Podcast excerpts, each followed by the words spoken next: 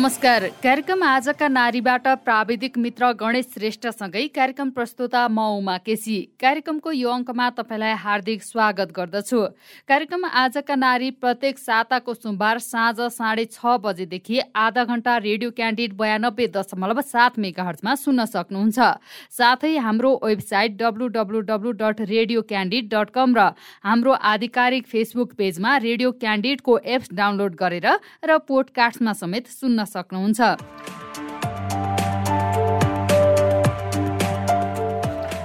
प्रतिनिधि तथा प्रदेशसभा निर्वाचनको मिति नजिकिँदै जाँदा विभिन्न दलहरूमा आकांक्षी उम्मेद्वारको संख्या बढेपछि नेतृत्वलाई यति बेला थेगी नसक्नुको भारी बोके झैँ भएको छ। केही दलहरूले उम्मेद्वारको टुङ्गो समेत लगाइसके तर लामो समयदेखि पार्टीमा लागेका कतिपय महिलाहरूलाई अझै पनि प्रत्यक्षतर्फको टिकट दिन अन्कन्याउने प्रवृत्ति नेतृत्वमा हट्न सकेको छैन। अझ विशेष गरी ग्रामीण क्षेत्रबाट मरिमेटेर पार्टी र समाजका लागि योगदान गरेका महिला नेत्रीहरू नेताहरूलाई मुख्य पदका लागि नेतृत्वले विश्वास नगर्दा अझै राजनैतिक दलहरूमा महिला समानताको आवाज कहिलेसम्म उठिरहन्छ यसै भन्न सकिन्न। आजका नारीमा हामी यसै सेरोफेरोमा रहेर रामेछापमा विद्यार्थी जीवनकालदेखि एमालेको राजनीतिमा लाग्नुभएकी नेत्री एवं मन्थली नगरपालिकाकी पूर्व उपप्रमुख माया कुमारी कार्कीसँग कुराकानी गर्नेछौ। माया कार्कीज्यू कार्यक्रम आजका नारीमा यहाँलाई स्वागत छ। धन्यवाद। मन्थली नगरपालिकाको उपमेयर भएर पनि काम गर्नुभयो। तपाईँको राजनीतिक यात्रा कसरी सुरु भयो भनिदिनुहोस् न। म मन्थली नगरपालिकाको उपमेयर यो राज्यको पूर्ण संरचना पछि देश संहितामा गइसकेपछि पहिलो निर्वाचित मन्थली नगरपालिकाको उपमेयर भई र मेरो राजनीतिक सुरुवात भनेको मैले विद्यार्थी कालदेखि नै मैले सुरुवात गरेको हुँ। र अनेरा सोबीको शाखादेखि लिएर मैले अनि त्यसपछि चाहिँ अखिल नेपाल महिला सङ्घ महिलाको सङ्गठनमा मैले सुरु गरेँ महिलाहरूका र त्यसमा म पार्टीमा आबद्ध हुँदै अहिलेसम्म मैले राजनीतिक यात्रामा जुन पार्टीले दिएका कामहरू गर्नुपर्ने आफ्ना भूमिकाहरू सङ्गठित गर्नुपर्ने महिलाहरूको क्षेत्रमा उत्पीडनमा परेका महिलाहरू असहज अवस्थामा रहेका महिलाहरूलाई सङ्गठित गर्दै आज म एउटा महिलाहरूकै पाटोबाट म अहिले अखिल नेपाल महिला सङ्घको केन्द्रीय सदस्य पनि हुन सफल भएको छु। त्यसै गरी पार्टीमा निरन्तरता पार्टीमा सङ्गठित हुँदै पार्टीको काम गर्दै म अहिले नेकपा एमाले पार्टीको बागमती प्रदेश कमिटीको सदस्यसम्म रहेको छु र आजसम्म मैले पार्टीमा निरन्तरता दिँदै आफ्नो बाटोलाई पार्टी सङ्गठित हुँदै म अगाडि बढिरहेको छु। देश र जनताको लागि भलाइको लागि आफ्नो पार्टीबाट गर्नुपर्ने भूमिका र महिलाहरूको क्षेत्रमा गर्नुपर्ने भूमिकाहरू निर्वाह गर्दै आज म त्यो ठाउँमा पुगेको छु। त्यो बेला चाहिँ महिलाहरू राजनीतिमा लाग्दै गर्दाखेरि चुनौतीहरू कस्तो थियो? राजनीतिमा एक त महिला त्यसमा पनि हामी राजनीति फिल्डमा उत्रिँदाखेरि धेरै गाह्रो धेरै अप्ठ्याराहरू अवस्था थियो। तपाईँलाई एउटा छोरी मान्छेले आफ्नो अब राजनीतिक पेसामा निस्किँदाखेरि आफ्नो घरबाट बाहिर निस्किनु पर्ने सदरमुकामसम्म जानुपर्ने आफ्नै जिल्लाका विभिन्न भूगोलहरूमा सङ्गठनको काममा निस्किनु पर्ने धेरै उतार चढा त्यतिखेर अब हामी अहिले यातायातको सुविधाहरू थिएन गाउँघरमा हिँड्दै भेटघाट गर्दै जानुपर्ने त्यतिखेर अब महिला साथीहरू पनि हुनु हुँदैन थियो। मैले सुरु गर्दाखेरि एक दुईजना महिलाहरू निस्के पनि अरू महिलाहरू बाहिर निस्किनु हुँदैन थियो। म पुरुष कमरेडहरूसँगै हातेमालो गर्दै म सङ्गठनमा अगाडि बढ्थेँ त्यतिखेर।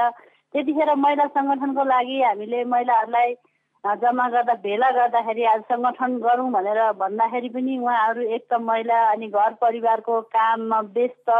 त्यस कारणले गर्दाखेरि हामीलाई सङ्गठनमा सङ्गठित गर्न धेरै गाह्रो थियो। त्यतिखेर अहिले जतिको पढे लेखेका बुझेका महिलाहरू भइदिएको भए सजिलो हुन्थ्यो। त्यो सङ्गठनमा काम गर्दाखेरि स्वत आमाहरूको समूह भयो अखिल नेपाल महिला सङ्घ भनेको।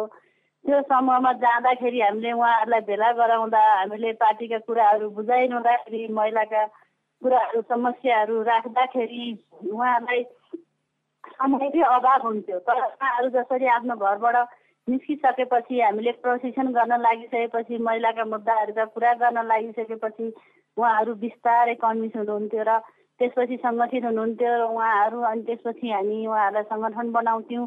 त्यस कारणले हामीले उहाँहरूलाई अगाडि बढाउन महिलाहरू अगाडि बढ्न र अहिले चाहिँ महिलाहरू धेरै पढे लेखेको पनि हुनुहुन्छ। अब धेरै कुराहरू बुझिसक्नुभयो। अहिले राजनीति रूपमा पनि अब महिला सहभागिताहरूका कुराहरू भए त्यस कारणले गर्दा नि अहिले महिलाहरू चाहिँ अग्रिम रूपमै अगाडि हुनुहुन्छ। अहिले पुरुषहरूसँगै प्रतिस्पर्धा गर्ने ठाउँमै पुगि पुगिसक्नु भएको छ। तर हामीले सुरुवात गर्दाखेरि चाहिँ त्यतिखेर चाहिँ महिलाहरू कमै बाहिर निस्किनुहुन्थ्यो।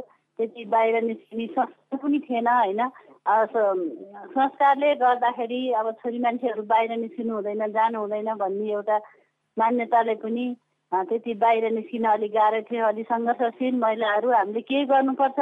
त्यसमा परिवर्तन गर्नुपर्छ। परिवर्तनका बाघ भनेकै महिलाहरू हौँ भनेर नलागेसम्म बाहिर निस्किन सक्दैन थियो बिस्तारै ती कुराहरू बुझेर अहिले आज महिलाहरूले यो ठाउँमा अब देशको राष्ट्रपति जस्तो पदमा पनि पुग्ने पुगिसक्नु भएको छ। नेपालमा हेर्दाखेरि अब एउटा देशको प्रधानमन्त्री मात्रै हुन बाँकी छ। अब प्रधान न्यायाधीश जस्ता सभामुख जस्ता यस्तो महिलाहरू र अहिले विभिन्न स्थानीय तहमा हेर्दाखेरि अहिले बयालिस प्रतिशत अनि सङ्घ प्रदेशमा अब तेत्तिस प्रतिशतका प्रतिशतहरू महिलाहरू यो ठाउँमा पुग्नु भएको छ। यो भनेको महिलाहरूको अग्रिम महिलाहरूको आन्दोलन र उहाँहरूको भूमिकाबाटै आज यो ठाउँमा पुग्न हामी सफल भएका छौँ। पनि रामेछापमा तपाईँले सङ्गठन विस्तार गर्दा चाहिँ कहाँ गर्नुभएको थियो? त्यो बेला कति महिलाहरूलाई जम्मा गर्न सफल हुनुभएको थियो? अब मैले रामेछाप जिल्लामा महिलाहरूलाई सङ्गठित गर्दाखेरि भन्नुपर्दा म दुई हजार सन्ताउन्न साल पस महिनाको सत्ताइस गते मैले अखिल नेपाल महिला सङ्घको रामेछापको प्रथम अधिवेशनबाट म अनेमा सङ्घ अखिल नेपाल महिला सङ्घको जिल्ला अध्यक्ष भएको। म त्यतिखेर त्यतिखेर हामी जिल्ला अनेमा सङ्घको हामी पच्चिसजनाको कमिटी थियो। जिल्ला कमिटी पच्चिसजनाको जिल्ला कमिटी थियो। त्यसपछि हामीले रामेछाप जिल्लाका पचपन्नवटा गाविस थियो त्यतिखेर पचपन्नवटा गाविस दुईवटा अनि क्षेत्र एक र दुई। त्यसमा हामी पार्टीको एउटा विधान अनुसार अखिल नेपालको ऊ अनुसार हामीले गयौँ सङ्गठनको क्रममा जाँदाखेरि हामी पचपन्नै गाविस पुगेर ठाउँ ठाउँमा महिलाहरू तपाईँलाई पहिला धेरैजना जम्मा हुनु हुँदैन थियो हामीले काहीँ दसजना बाह्रजना महिलाहरूलाई जम्मा गर्दै भेला राख्दै उहाँहरूलाई कमिटी गठन गर्दै आयौँ र पछि अहिले तिनै महिलाहरू अहिले हाम्रो रामेछाप जिल्लामा अखिल नेपाल महिला सङ्घको सदस्य मात्रै अहिले हामीले पाँच हजार महिलाको सदस्यहरू पुर्याएका छौँ अहिले। पहिला हामी सुरु म निर्वाचित भएदेखिबाट पहिला हुन त अदितीहरू हुनुहुन्थ्यो तर पहिलो निर्वाचित चाहिँ मै हो।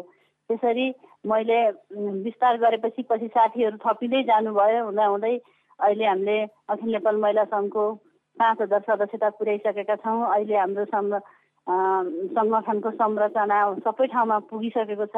अहिले पनि हाम्रो संरचना आठवटै गाउँपालिका नगरपालिकाहरूमा पालिका स्तरको कमिटीहरू गठन भएको छ। हामीले गा अनि वडा स्तरको कमिटीहरू गठन गर्दैछौँ। अहिले हामी टोल टोलमा पुग्ने हामीले वातावरण बनाइरहेका छौँ र योजना बनाएर अहिले अखिल नेपाल महिला सङ्घ रामेछापमा अग्रम गतिमा अहिले लागिरहेको छ। महिला सङ्घ गठन गरिसकेपछि चाहिँ उहाँहरूमा चाहिँ कस्तो खालको परिवर्तन पाउनु भयो अब यो अनेमा सङ्घले चाहिँ जुन महिलाहरूको सङ्गठन गरि गठन भइसकेपछि चाहिँ परिवर्तनका कुराहरू चाहिँ हामी महिलाहरू भएर घरमा चुलो चौकामा मात्रै सीमित हुनु हुँदो रहेनछ। हाम्रा महिलाहरूका हक अधिकारका लागि हामी अगाडि बढ्नुपर्ने रहेछ। हामी अगाडि बढेपछि मात्रै हाम्रा अधिकारहरू प्राप्त हुनु हुँदो रहेछन्। र सुनिश्चित गर्न सकिरहेछ अधिकारहरू र हामीले बोल्न पढ्न लेख्न हामी सक्षम बन्नका लागि हामी अगाडि नै बढ्नुपर्ने रहेछ हामी जसरी कमिटेड नभएसम्म हामी केही गर्न नसक्ने रहेछौँ एक्लै थुके सुक्छ धेरैले थुके नदी बन्छ भने जस्तै उखानलाई पनि अँगाल्दै अनि महिलाहरूले त्यसलाई त्यो भूमिकाबाट हामी अगाडि बढ्नुपर्ने रहेछ सङ्गठित हुनुपर्ने रहेछ। यो पार्टी मा लागेपछि हामीले केही गर्न सकिँदैछौँ। हाम्रा आवाजहरू गुलबन्द हुने रहेछन्। हाम्रा आवाजहरू बाहिर निकाल्न सकिँदछ भनेर महिला दिदीबहिनीहरू अनि त्यसरी अहिले परिवर्तन धेरै परिवर्तन भएको छ। त्यसमा छोराछोरी भनेका समान हुन् समान हक अधिकार छ पढाउनु पर्छ छोरीलाई पनि भन्ने कुराहरू अहिले सबैमा आएको पनि छ। एउटा राज्यले ल्याएको नीति पनि छ। त्यसलाई नै टेकेर आजका महिलाहरू रामेछापमा पनि धेरै सशक्तिकरण भएका छन् स्तर उन्नतिहरू भएका छन् अहिले सबै ठाउँमा सबै क्षेत्रमा। पहाडी जिल्ला पनि एउटा रामेछाप महिलाहरू त्यो बेला चाहिँ मैले श्रीमानलाई सोध्न पर्छ भन्ने कुराहरू चाहिँ आउँथे कि आउँदैन थिए? त्यतिखेर पनि आउँथे। आफ्नो हाम्रो घरमा एउटा अभिभावक बुबा हुनुहुन्थ्यो भने हामी बुबा आमालाई नै सोधेर निस्किन्थ्यौँ भने घर परिवारले जाऊ राम्रो काम हो भन्ने उहाँहरूलाई हामीले कन्भिन्स गरिसकेपछि उहाँहरूले हामीलाई पठाउनुहुन्थ्यो उत्प्रेरणा दिनुहुन्थ्यो र अहिले पनि अब यो श्रीमान श्रीमती बिचमा पनि अलिकति बुझेको श्रीमान छ भने पार्टी भनेको यो राम्रो काम हो यसरी जानुपर्छ भन्ने खालको श्रीमान छ भने उसलाई श्रीमतीलाई सहजै रूपमा पनि अहिले यो सङ्गठन गर्न सजिलो भएको छ। तर श्रीमानहरू अलिक त्यस्तै हुनुहुन्छ भने अलिकति महिलाहरूले आफ्नै जबरजस्तीले पनि आफ्नो ठाउँमा पुग्नु भएको छ। तर पहिला मान्छेलाई लाग्छ सुरुमा हामीले काम गर्दा नराम्रो काम हो कि के गरे भन्छन् तर हामीले काम गर्दै जाँदाखेरि राम्रो रहेछ यसरी जानुपर्ने रहेछ। मेरो श्रीमतीहरू यसरी गए राम्रै काम रहेछ भन्ने कुराहरू अहिले पुरुषमा पनि त्यो चेतना चाहिँ भएको छ। यो राजनीतिमै टिकिरहनका लागि कस्ता चुनौतीहरू चाहिँ सामना गर्नुपर्ने रहेछ तपाईँको अनुभवमा? मेरो अनुभवमा चाहिँ यो राजनीतिमा टिक्नको लागि चाहिँ हामीलाई विभिन्न खालका अब महिला भएका कारणले गर्दाखेरि धेरै कुराहरू आउँछन् होइन? पहिला अब हामीलाई घरबाट निस्किने कुराहरूमा पनि अलिअलि बन्देज हुन्थ्यो भनेदेखि ती कुरालाई बुझाउनु पर्यो। त्यसपछि हामीलाई अर्को कुरा भनेको तपाईँलाई आर्थिकले जोडिन्छ होइन। आर्थिक आर्थिक बाटो छ छुट्टै अनि त्यसमा सांस्कृतिक नैतिक सबै कुराहरू छन्। त्यही पनि त्यस्तो पाटोलाई पनि सँगसँगै अँगालिएर अनि घर परिवारले सपोर्ट गरेर जानुपर्छ भन्ने कुराहरूमा अब आर्थिकमा पनि अलिकति उत्तरदायित्व भएर आफूसँग आर्थिक हुँदा त झनै राम्रो भयो। हामी आफूसँग आय आर्जन गरेर केही आर्थिक सङ्कलन गरेका छौँ भने त हामीलाई बाहिर निस्किनलाई पुरुषलाई नि सोध्नु परेन श्रीमानलाई नि सोध्नु परेन बुवालाई नि सोध्नु परेन। हामी जान सक्यौँ।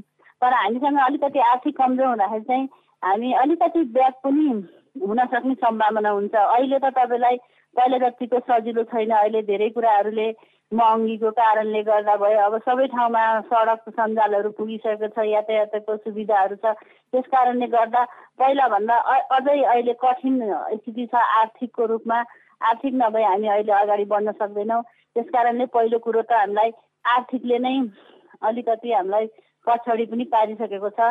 त्यसैले अहिले तपाईँलाई भन्नै पर्दा अब स्थानीय तहमै हेर्दाखेरि अहिले प्रत्यक्ष उम्मेदवार उम्मेदवारीको सङ्घ प्रदेशको सांसदको उम्मेदवार हेर्दाखेरि महिलाहरू किन समानुपातितिर बढी जाने अनि प्रत्यक्ष किन लड्न नसक्ने भन्दाखेरि अहिले आर्थिकको कुरो आउँदाखेरि अहिले महिलाहरू धेरै पैसाहरू खर्च गर्न सक्दैनन् पैसा छैन भनेर पनि अहिले महिलाहरूलाई त्यसरी एउटा आर्थिक रूपले गर्दाखेरि पनि अहिले पछि पर्नु परेको छ। तर पुरुष सराय हाम्रो क्षमता योग्यता हुँदाहुँदै पनि हामी केही कम भएर तल्लोमा कोही समानुपातिमा बस्ने कहिले उपप्रमुखमा उपाध्यक्षमा लड्नु जानुपर्ने यस्तो कारणले गर्दा यो आर्थिकै कारण हो। जबसम्म हामी महिलाहरूले केही राजनीतिको साथसाथै आर्थिक उपार्जन गर्नको लागि केही हामीले व्यवसाय पनि अँगाल्यो भने हामी सँगसँगै जान सक्छौँ। आर्थिकै बढी बाटो चाहिँ आर्थिक पनि हो। आर्थिक सक्षमता नभइकन महिलाहरूले काम चाहिँ गर्न सक्छन् भन्ने विश्वास अझै पनि नेतृत्वलाई नभएको हो कि के हो यो चाहिँ अझै पनि नेतृत्वलाई त्यही हो। अझै पनि महिला हुन् त्यही नै हो। यिनीहरूले आर्थिक गर्न सक्ने नेतृत्वमै त्यही हो। उनीहरूको बुझाइ नै कम हो नेतृत्वमा। तपाईँ उपमेयर पनि बन्नुभयो। त्यस बेला चाहिँ तपाईँको दाबी मेयरमा थियो कि थिएन?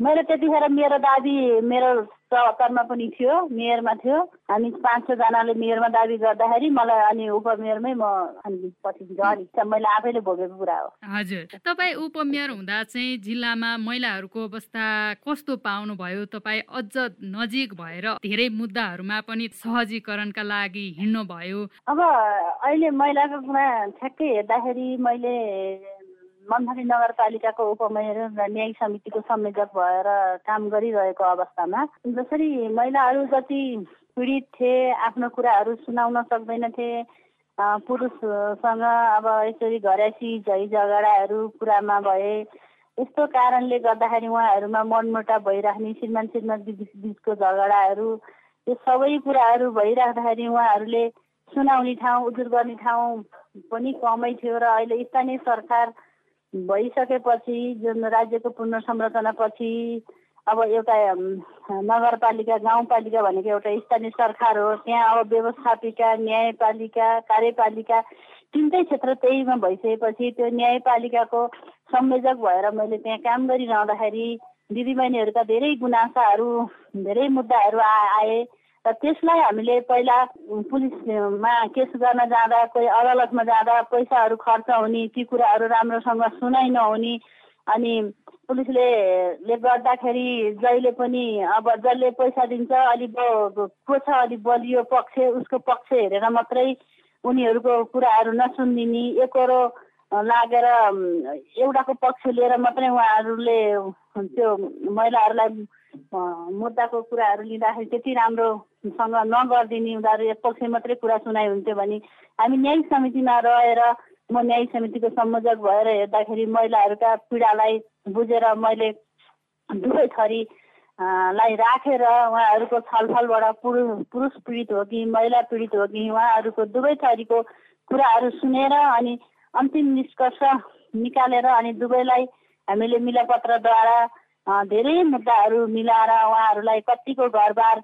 बिग्रिसकेको अवस्था श्रीमती घर नजाने श्रीमान छोडेर बाहिर हिँड्ने त्यस्तो अवस्थाका केसहरू पनि हामीले धेरै मिलाएर मन्थनी नगरपालिकाभित्र उदाहरण नै रहेर अहिले उहाँहरू आफ्नो श्रीमान श्रीमती आफ्नै घरमा मिलेर घर परिवार गरेर बस्नु भएको छ। कतिले श्रीमतीले श्रीमानले अर्को श्रीमती लिएर हिँडेर घरमा बच्चा लिएर को अवस्थामा उहाँले खाना नपाइरहेको अवस्थामा पनि हामीले त्यो अब हामीसँग आएको केसलाई अदालतबाट मानव चामल भराउने केससम्म हामीले लडिदिएर एकसुको पैसा खर्च नलागि उहाँहरूलाई हामीले आफैले लेखिदिएर दर्ता गराएर त्यो एउटा राज्यले ल्याएको एउटा नीति एउटा न्यायिक समितिको काम कर्तव्य मैले पाँच वर्षभित्र कति कामहरू गरेर उहाँहरूलाई चाहिँ न्याय चाहिँ राम्रोसँग मन्त्री नगरपालिकाले न्यायमा चाहिँ एकदम राम्रो सम्पादन गरेको कुरा चाहिँ मलाई अनुभव छ। मैले पाँच वर्षभित्र गरेका अनुभवमा र धेरै दिदीबहिनीहरूले त्यसमा न्याय पाउनु पनि भएको छ। तपाईँलाई जस्तै यो मुद्दा त्यो मुद्दा यो बारेमा चाहिँ तपाईँले सहयोग नगर्नु होला भनेर कुनै थ्रेटहरू चाहिँ आउँथ्यो कि आउँदैन थियो? दबाब यस्तो हुन्थ्यो। कहिलेकाहीँ चाहिँ यो मुद्दा यसरी आइरहेको छ त्यसलाई कसरी हेर्नुहुन्छ भन्ने कुराहरू हुन्थ्यो। त्यहाँ पनि पक्ष विपक्ष जस्तै हुन्थ्यो नि त। अब पार्टीहरू फरक फरक भयो होइन। त्यस्ता कुराहरू पनि आउँथ्यो तपाईँहरू यसरी के गरी गर्नुभएको छ यसलाई मिलाऊ भन्ने हुन्थ्यो। तर त्यसमा हामी चाहिँ कहिले पनि लागेनौँ। हामीले चाहिँ न्यायको पक्षमा जुन एउटा न्यायमूर्ति भएर त्यो कुनै पक्ष नलिकन उहाँ के हो खास उहाँको जरो कुरो कुन कुरामा के हो भन्ने कुरालाई चाहिँ हामीले निरीक्षण गरेर एकपल्ट हामीले उहाँहरूको समाधान गर्न सकेनौँ भने हामीले चारपल्टसम्म बोलाएर पनि उहाँहरूको त्यसरी समाधान गरेका छौँ तर कसैको पहुँचको आधार र पार्टीको आधारले चाहिँ मैले चाहिँ न्याय दिइनँ। तपाईँको अनुभवमा अब चाहिँ स्थानीय तहमा सुधार्नु पर्ने न्यायिक प्रक्रियाहरू या अन्य प्रक्रियाहरू के के देख्नुभयो? अब हामीले काम गरिरहँदाखेरि सुधार्न पर्ने पक्ष चाहिँ पहिलो चाहिँ मैले अब काम गर्दा हेर्दाखेरि धेर चाहिँ आर्थिक जुन घरमा आर्थिक कुरा चाहिँ आर्थिक कमजोर छ त्यो घरमा बढी झगडा हुने होइन सबै कुराको अभाव हुने। अनि जुन घरमा तपाईँलाई अलिकति शिक्षाको कमी छ त्यस्तो घरमा पनि अलिक बढी टर्चरहरू हुने मैले चाहिँ त्यहाँ देखेँ। तर जुन घरमा अलि आर्थिक पनि सम्पन्न शिक्षा पनि सम्पन्न भएको घरको मान्छेहरू त्यति नहुने। त्यस कारणले गर्दाखेरि हामीलाई अहिले आय आर्जनको काम गर्न र सिपमूलकहरू कामहरू व्यावसायिकमूलक काम गरेर चाहिँ हामी अघि बढ्यौँ भनेदेखि हामीलाई यस्ता समस्याहरूबाट पनि हामी अगाडि बढ्न सक्छौँ त्यसलाई सुधार गर्न सक्छौँ र पहिलो कुरा चाहिँ अब हामीसँग चेतनै हो होइन? चेतना अब तालिम गोष्ठीहरू गराएर महिलालाई सक्षम गराउनको लागि सशक्तिकरण गर्नको लागि एउटा त्यो बाटो पनि छ सशक्तिकरण पनि हुनु पर्यो आफू सक्षम पनि हुनु पर्यो। र त्यसरी फेरि महिलाहरूलाई अब तालिम दिँदैमा फलानोले तालिम दियो हामी यसो गऱ्यौँ भने होइन उहाँहरूको भित्र इच्छा आकाङ्क्षा पनि भित्रैदेखि उब्जेर आउनु पर्यो। म यो तालिम दिएर यो गर्छु मैले यो गर्नुपर्छ भन्ने भावना पनि हामीमै जाग्यो भने मात्रै यो कुराहरूको सफल हुँदो रहेछ। र अब रामेछापमा हेर्दाखेरि महिलाहरू मन्थनी नगरपालिकाभित्र धेरै उद्योग व्यवसायी महिलाहरू पनि भइसक्नु भएको छ। हामीले धेरै समूहहरूमा यस्ता तालिम गोष्ठी गराएर उहाँहरूलाई व्यवसाय गर्नलाई कसैलाई कुखुरा पालन बाख्रा पालन तरकारी खेती अनि यस्तो मुढाहरू बोन्ने कामहरू आय आर्जनका सिपका काम यो हामीसँग भएको उद्यमशीलता विकास जुन चाहिँ पनि छ हामीसँग। त्यो पाटोबाट पनि जोडिएर नगरले आफ्नो बजेट चाहेर पनि ती कामहरू चाहिँ अहिले रामेछापमा मन्त्री नगरपालिकामा धेरै व्यवसायहरू हुनुभएको छ बन्दै हुनुहुन्छ र पाँच लाखसम्मको हामीले त्यो महिला उद्यमी भनौँ अब पुरुष उद्यमीहरूलाई पनि त्यो दिएका छौँ अहिले चाहिँ मन्थली नगरपालिकाले हामी हुँदैखेरि महिला व्यवसायीहरूको लागि चाहिँ बिना धितो एउटा राज्यले ल्याएको पोलिसी पनि हो। दस लाखसम्म चाहिँ बिना धितो ऋण दिने कुरा छ दुई पर्सेन्ट ब्याजमा। त्यसको लागि हामी मन्थली नगरपालिकाले हामी पुरानै मेरो उपमेयर हुँदाखेरि नै हामीले एउटा निर्णय गरेर ब्याङ्कसँग सम्झौता गरेर अहिले हामीले चाहिँ महिलाहरूलाई पाँच लाखदेखि दस लाखसम्म बिना दितो उहाँहरूको व्यवसाय हेरेर ऋण दिने एउटा व्यवस्था पनि गरेका छौँ। त्यो फर्म खुलेर अब यही दसैँ अगाडि नै त्यो ऋण दिने व्यवस्था पनि बिना दितो विचार टुङ्ग्याउँदैछ। त्यसरी नै लागेका छौँ। महिलाहरूलाई एउटा सशक्तिकरण पनि हो नि। उनीहरू उद्यमी पनि बन्ने र महिलाहरू अघि बढ्नको लागि एउटा टेवाको। हामी कार्यक्रमको अन्तिमतिर पनि छौँ। निर्वाचन आउँदैछ मङ्सिर चारमा तोकिसक्यो। तपाईँ उपमेयर भइसकेको व्यक्ति तपाईँलाई प्रदेशमा पनि फेरि समानुपातिको सूचीमा राखिएछ। प्रतिनिधि सभामा पनि पर्नु भएन। महिलाहरूलाई पछाडि पारिएको हो कि परिन्छ? होइन यो हेर्ने दृष्टिकोणहरू फरकै हुन्छ होइन? पार्टीको पनि आफ्नो एउटा ऊ हुन्छ उयो हुन्छ। त्यसमा जाँदाखेरि अब हामी प्रतिनिधि सभामै जान नसक्ने पनि होइन। एउटा कुरो अब म स्थानीय तहमा पाँच वर्ष रहेर आएँ। मलाई चाहिँ लाग्छ फर्को मार्नुभन्दा पनि होइन त्यसलाई प्रक्रियागत जाँदाखेरि राम्रो हुन्छ। जस्तो लागेर म अब पार्टीको पनि अहिले प्रदेश कमिटीमै भएको कारणले अब प्रदेशतिरै हुँदाखेरि हुन्छ जाँदा राम्रै हुन्छ भनेर मैले चाहिँ प्रदेश सभाकै लागि नै मैले चाहिँ समानुपातिक हाले हो। तर साथीहरूले भन्नुहुन्थ्यो तपाईँ प्रत्यक्षमै जानुपर्ने भन्ने कुराहरू थियो। अघि नै मैले तपाईँलाई आर्थिकका कुराहरू जोडेँ। त्यहाँमाथि अब नाम मात्रै दिएर नहुने होइन काम पनि हुनुपर्ने। अब पुरुषको दाँजोमा अब अहिले हामी महिला धेरै कमजोर छौँ भन्ने त होइन। तैपनि देख्ने र हेर्ने दृष्टिकोण चाहिँ अझै पनि समान लेभल भइसकेको छैन। त्यस कारणले गर्दाखेरि पनि मैले चाहिँ अनि समानुपातिकतिर नै कतिपय नेतृत्वमा चाहिँ अगाडि पछाडि हिँड्नेहरूलाई प्रतिनिधि सभातिर नै तानिएको कुराहरू पनि आउने गर्छ। तपाईँलाई के लाग्छ कुनै नेताको चाप्लुसी गरेर अघि पछि हिँडेर राजनीतिमा धेरै सक्रिय नभएकाहरू पनि यस्तो सूचीहरूमा पर्ने गर्छन् भन्ने आरोपहरू आइरहन्छन्। के भन्नुहुन्छ यसमा? अब त्यो आरोप लाउनु कुरा एक ठाउँमा छ। अब त्यस्तो कोही कोही अब सयमा एक दुईटा होला नि पनि त्यो गर्ने पनि तर सङ्गठन नभई सङ्गठन विस्तारण तल आफ्नो सङ्गठित नभएसम्म आफ्नो भूगोल आफ्नो स्थानबाट नै नभएसम्म जरै छैन भने हाँगाबिङ्गा माथि पुगेर काम छैन। राजनीतिमा आउनको लागि महिलाहरूले हामी एउटा सबभन्दा जड कुरो सङ्गठनै हो। हामी सङ्गठित जुनसुकै पार्टीमा होस् म नेकपा एमालेमै भन्दिनँ। हामीलाई जुन पार्टी मन लाग्छ आफ्नो धारणा कहाँ मन लाग्छ कसलाई के मन लाग्छ त्यो आफ्नो विचार रहेर आफू पार्टीमा लाग्ने हो जुनसुकै पार्टीमा लागे पनि।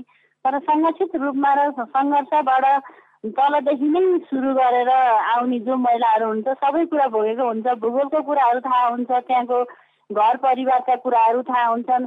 सबै कुरो आउने भनेको तलदेखि नै सङ्गठित हुँदै आउने महिलाहरूले माथि पनि पुग्न सक्छन् र सबै काम अहिले उहाँहरूलाई एउटा अनुभव पनि हुन्छ पढेर होइन पढेर पनि धेरै कुराहरू जानिन्छ। त्यस कारणले गर्दाखेरि म दिदीबहिनीहरूलाई के भन्न चाहन्छु भने हामी सङ्गठित हुनुपर्छ। सङ्गठित भएर नै हामीले आफ्नो समाजलाई परिचालन गरेर हामी सङ्गठित भएर हामी सबैसित चिज परिचित भएर मात्रै हामी माथि जानुपर्छ र हामी राजनीतिमा फड्को मार्नुपर्छ भन्ने कुराहरू म सम्पूर्ण महिला दिदीबहिनीहरूलाई यही सन्देश दिन चाहन्छु। हवस् धन्यवाद यहाँलाई समयका लागि। र यहाँले पनि मलाई मिडिया मार्फत जुन कुराहरू मेरो राख्न दिनुभयो यसको लागि यो मिडियालाई पनि धन्यवाद। दिन चाहन्छु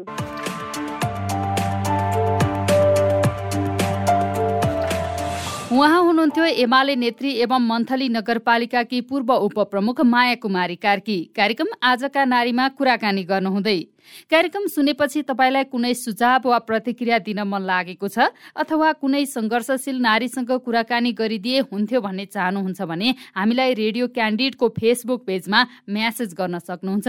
अथवा कार्यक्रमको इमेल ठेगाना Radio Candid ninety two point seven at the rate Gmail dot कममा मेल गर्न सक्नुहुन्छ। उपयुक्त सुझावलाई हामी पक्कै पनि ग्रहण गर्नेछौँ। कार्यक्रम सुनिदिनु भएकोमा तपाईँलाई धेरै धेरै धन्यवाद। हवस् त अर्को अङ्कमा फेरि भेटौँला। प्रविधिमा साथ दिने गणेश श्रेष्ठलाई धन्यवाद। कार्यक्रमबाट म उमा केसी बिदा हुन्छु। नमस्कार।